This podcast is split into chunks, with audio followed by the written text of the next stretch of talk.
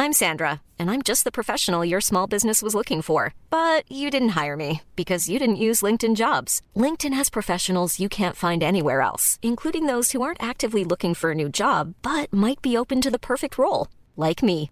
In a given month, over 70% of LinkedIn users don't visit other leading job sites. So if you're not looking on LinkedIn, you'll miss out on great candidates like Sandra. Start hiring professionals like a professional. Post your free job on linkedin.com/people today. Burrow is a furniture company known for timeless design and thoughtful construction and free shipping, and that extends to their outdoor collection.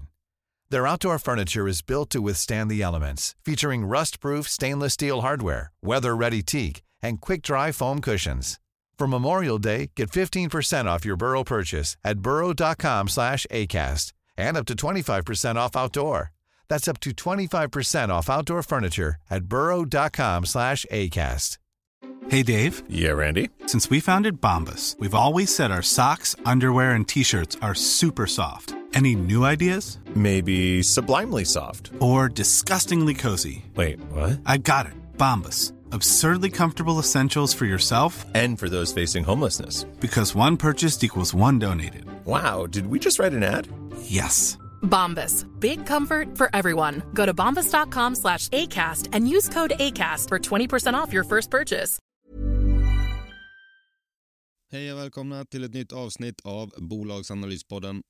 Dagens avsnitt tillägnas Volati.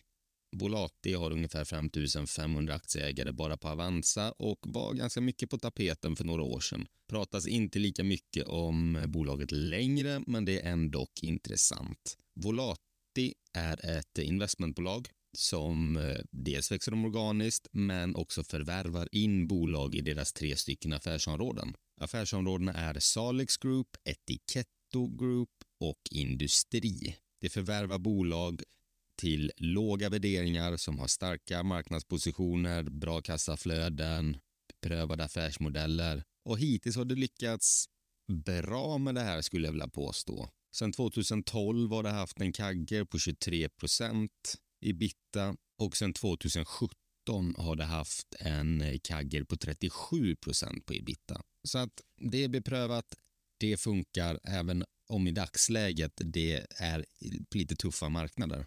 Kursen har fått sig en liten körare. Den var dansade runt 225 kronor på toppen, är nu nere på runt 95 kronan, haft en liten rekyl de sista veckorna. I år är den upp 10 procent så har gått helt okej. Okay. Men jag tänker vi kollar lite närmare på om detta är ett guldkorn. Så vi kör igång med Volati.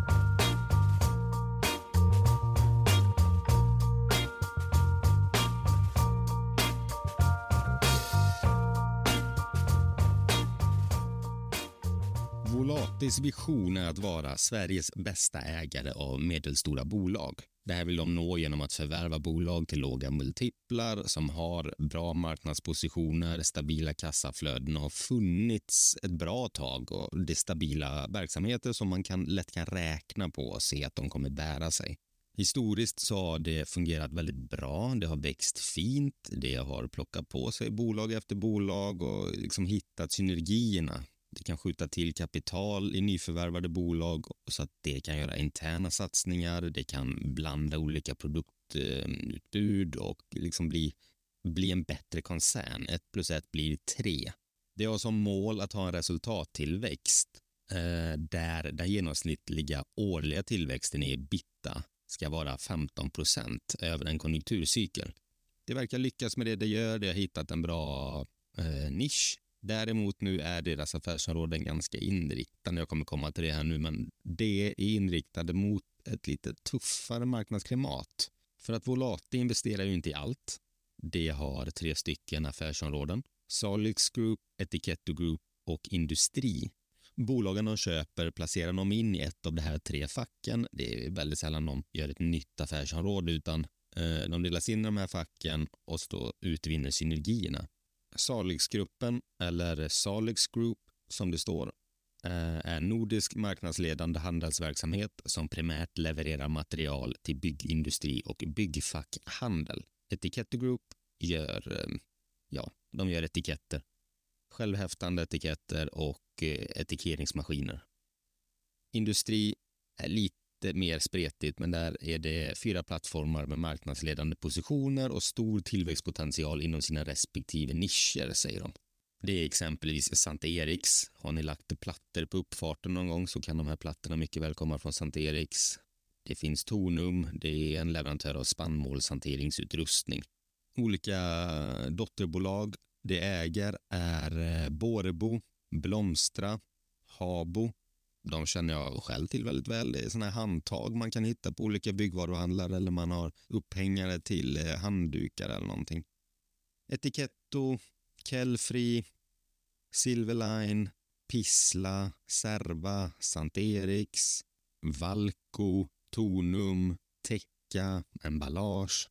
Ja, jag kan hålla på en stund där. Det äger väldigt många dotterbolag. De här drivs för sig själv, men som sagt, de vill hitta lite synergier. Det kan hjälpas åt och dumt vore det annars.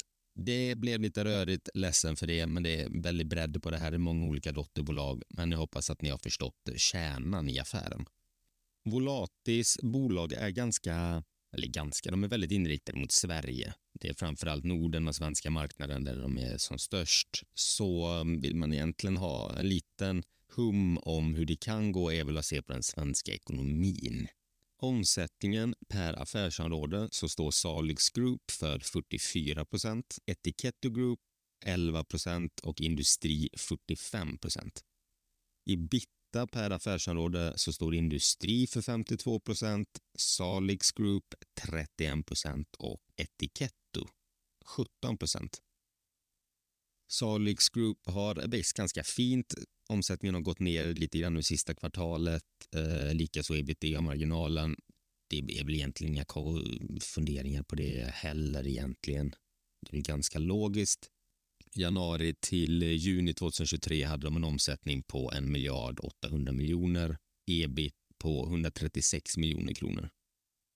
Förra året så hade de en omsättning på 1,9 miljarder och en ebit på 171 Etiketto hade en omsättning januari till juni 2023 på 440 miljoner och en ebit på 66 miljoner. Förra året var den 436 gentemot 55 i ebit. Så det har faktiskt gått bättre än vad det gjorde förra året. Ebitda-marginalen har stigit samt nettoomsättningen.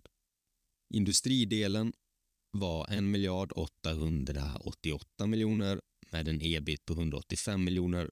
Förra året var den 1 miljard 500 miljoner samt 108 i ebit. Även där omsättningen stiger och så även ebitda-marginalen. Tycker det är intressant, eh, starkt ändå att kunna förstärka sina marginaler när det ändå är så pass tufft som det är inom deras områden. Eh, prishöjningar måste ha gjort en hel del av det här samt eh, varslat lite personal kanske och så vidare. Men jag var, eller är mer imponerad då över att uppenbarligen har deras produkter ganska god pricing power. Värderingen är att det har ett börsvärde på 7,7 miljarder, Enterprise Value 9,6 miljarder, aktiekurs 95 kronor och 30 öre, vinstmarginal 5,5 procent, P tal 16,9, direktavkastning 1,9, utdelning 1,8 kronor per aktie, men en vinst på 5,6 kronor per aktie. Så ingen överdriven värdering verkar vara en hyfsad eh, normal skuldsättning, bra balansräkning av det lilla vi ser nu. Jag tänker att vi går in i rapporten här om en liten stund, kikar närmare. Och jag tänker att det är dags att gå in på koncernnivå. Vi har berättat värderingen på bolaget, vi har gått igenom lite olika dotterbolag, affärsområdena, hur deras affär fungerar, eh, dratt en liten liten eh, genomgång över fördelningen av omsättning och ebitda. Nej, men jag, jag tycker det är dags. Vi kör igång med eh, rapporten på koncernnivå och där är omsättningen januari till juni 4,1 miljard. Ebitda-marginal 10 procent med ett resultat per aktie på 2,37 kronor. I Q2 så var det en nettoomsättning på 2,5 miljarder och ett resultat per aktie på 1,67. Så att eh, vinsten per aktie har faktiskt stigit sedan förra året. Nettoomsättningen och eh, ebitda-marginalerna likaså. så. Så ja, jag är imponerad. Det ser väldigt starkt ut faktiskt. omsättning och sådär påverkas ju av deras förvärv. Plockar det in ett nytt bolag helt plötsligt så, det, så slår det direkt på omsättningen och även att de får in mer vinst. Så att man ska ha det i lite kontrast även till skuldsättningen.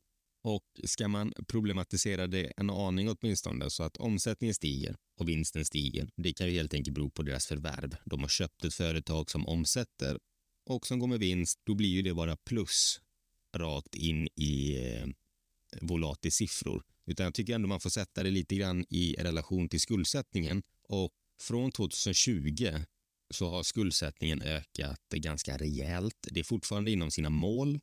Det har sagt att målet är att deras eh, nettoskuld i relation till justerade ebitda ska vara 2 till 3 gånger och inte överstiga 3,5 gång. I dagsläget ligger den på 2,1.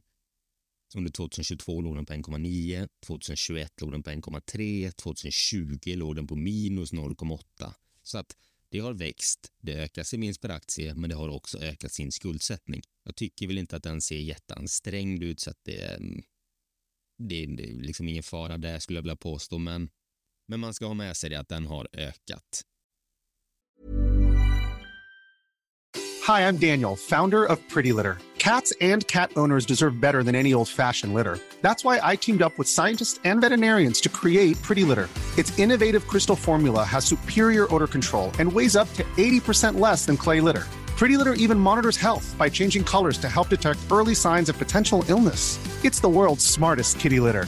Go to prettylitter.com and use code ACAST for 20% off your first order and a free cat toy. Terms and conditions apply. See site for details. Hiring for your small business? If you're not looking for professionals on LinkedIn, you're looking in the wrong place. That's like looking for your car keys in a fish tank. LinkedIn helps you hire professionals you can't find anywhere else, even those who aren't actively searching for a new job but might be open to the perfect role. In a given month, over 70% of LinkedIn users don't even visit other leading job sites. So start looking in the right place. With LinkedIn, you can hire professionals like a professional. Post your free job on linkedin.com slash people today. Burrow's furniture is built for the way you live. From ensuring easy assembly and disassembly to honoring highly requested new colors for their award-winning seating, they always have their customers in mind. Their modular seating is made out of durable materials to last and grow with you. And with Burrow, you always get fast, free shipping. Get up to 60% off during Burrow's Memorial Day sale at burrow.com slash ACAST. That's burrow.com slash ACAST. burrow.com slash ACAST. Det finns vissa säsongsvariationer i företaget och eh, det har beskrivit det som att 15 procent ungefär av deras ebita kommer i kvartal 1, 30 procent i kvartal 2, 30 procent i kvartal 3 och 25 procent i kvartal 4. Så att det sämsta har redan varit och ett lite halvsvagare kommer i december. Det beror troligtvis på att mycket av deras inriktning är mot eh, fackhandel inom byggindustrin och sådär och det är väl mest på sommaren man sätter i, eller håller igång med det ska jag säga. Det har en nettoskuld på 1,9 miljarder. Det har dratt upp den med ungefär 300 miljoner sedan eh, årsskiftet. Det anger att varför den har gått upp beror på utdelningar och det har förvärvat lite grann så att eh, ja, den har justerats upp. Det är vad det är. Totala skulder uppgick till 4 miljarder 750 miljoner men de räntebärande skulderna uppgick ungefär till 2,5 miljarder. Jag ska inte lägga överdriven vikt på skuldsättningen för jag tycker som sagt att den ligger ganska bra ändå. Det är rimligt att ta skuld för dem. Nu om något ska det förvärva många bolag och då är skuldsättning ett verktyg att kunna göra det. Det sitter på ett varulager på ungefär 1,5 miljarder. Det är där de har legat historiskt också vad det verkar. Eh, eller i alla fall, det är där de låg under förra året också. Så att det verkar ha hyfsad koll där. Kassaflödet från den löpande verksamheten var 153 miljoner. Det har investerat 30 miljoner i anläggningstillgångar. Det har förvärvat för 37 miljoner. Det har delat ut 161 miljoner. Det har amorterat och tagit upp nya lån. Så det totala periodens kassaflöde landade på minus 10 miljoner. Likvida medel vid periodens början var 68 miljoner och likvida medel vid periodens slut var 63 miljoner. Eh, inte en jättestor kassa skulle jag vilja säga, förvånansvärt låg. Eh, april, juni förra året var den 174. Eh, helåret 2022 var den på 227, så den har ju eh, gått ner rätt rejält. Som sagt, det beror på utdelningen, annars hade den varit på 220 fortfarande. Jag antar att det räknar med att de här pengarna kommer de tjäna in nu successivt under året och bygga upp kassan igen. Men, eh, men ja, hade jag varit förvärvsbolag så hade jag väl kanske velat ha lite större kassa att kunna trycka in och plocka upp bolag i dagsläget som ändå kan ha det lite tuffare tider och man kan plocka in dem i koncernen. Men troligtvis kommer de använda lån för detta och där hade de en hel del utrymme kvar. Så att det ska nog inte vara någon fara där. I övrigt om eh, Volati, jag tycker att det, de har en jättefin historik. Jättefin är den verkligen. Och de har ju tagit det här bolaget till någonting väldigt stort och de har gjort jättemycket aktieägarvärde. Det knoppade dessutom av Bokusgruppen. Vill också minnas det var en extrautdelning i cash där. Så att det har verkligen skapat eh, värden. Eh, jag kan tycka det är svårt att få en överblick hyfsat för det är så många olika dotterbolag. Det är så, eh, tar vi deras rörelsesegment industri så är det fyra olika företag som de har eh, klumpat ihop där lite grann. Och det är ganska stora företag så det går ju bra för dem. Men det är ju inriktat mot en bransch som har det tufft. En väldigt stor andel av, det, av koncernen är inriktad mot bygg och fackhandel hemmasnickare eller byggbolag eller dylikt och det kommer gå sämre för det här. Jag tror att det kommer gå ner lite till innan det blir bättre, men man kan väl alltid hoppas på det bästa.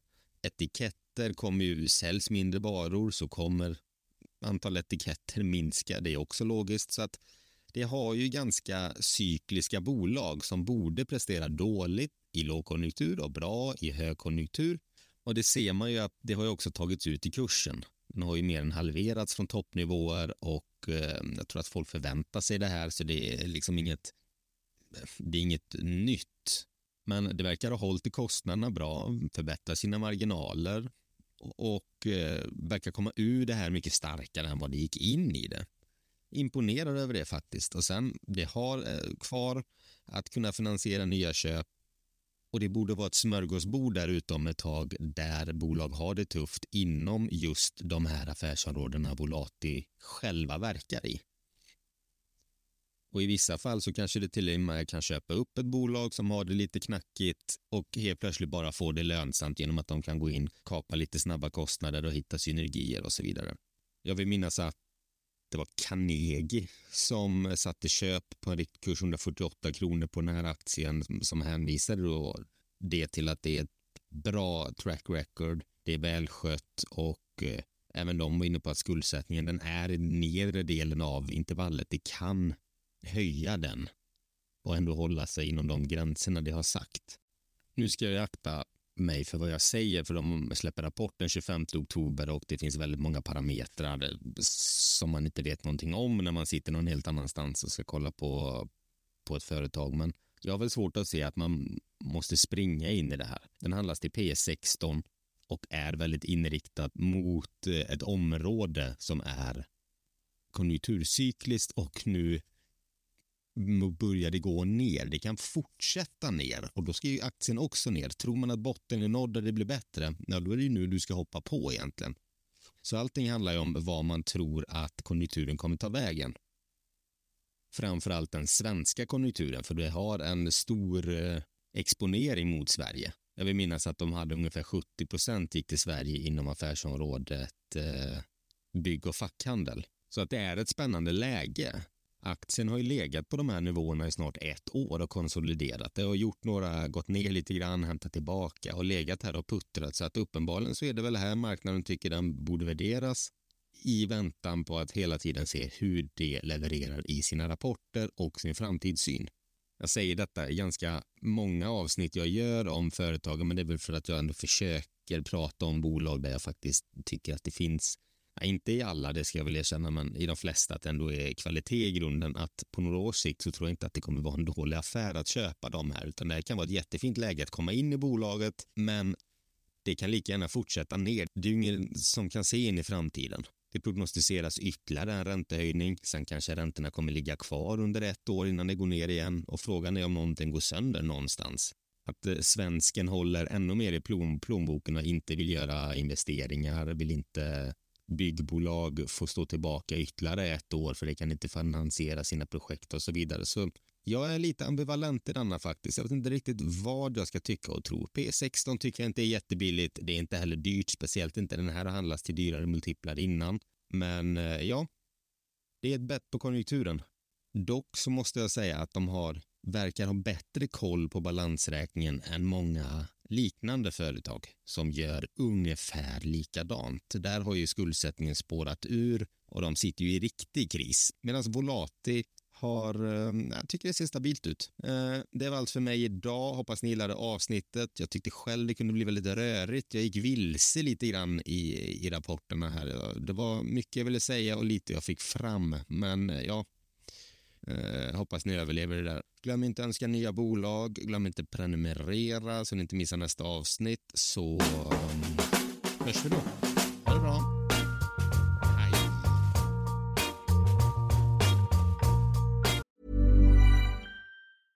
Mom deserves the best, and there's no better place to shop for Mother's Day than Whole Foods Market. They're your destination for unbeatable savings, from premium gifts to show-stopping flowers and irresistible desserts. Start by saving 33% with Prime on all body care and candles. Then get a 15-stem bunch of tulips for just $9.99 each with Prime. Round out Mom's menu with festive rosé, irresistible berry chantilly cake, and more special treats. Come celebrate Mother's Day at Whole Foods Market.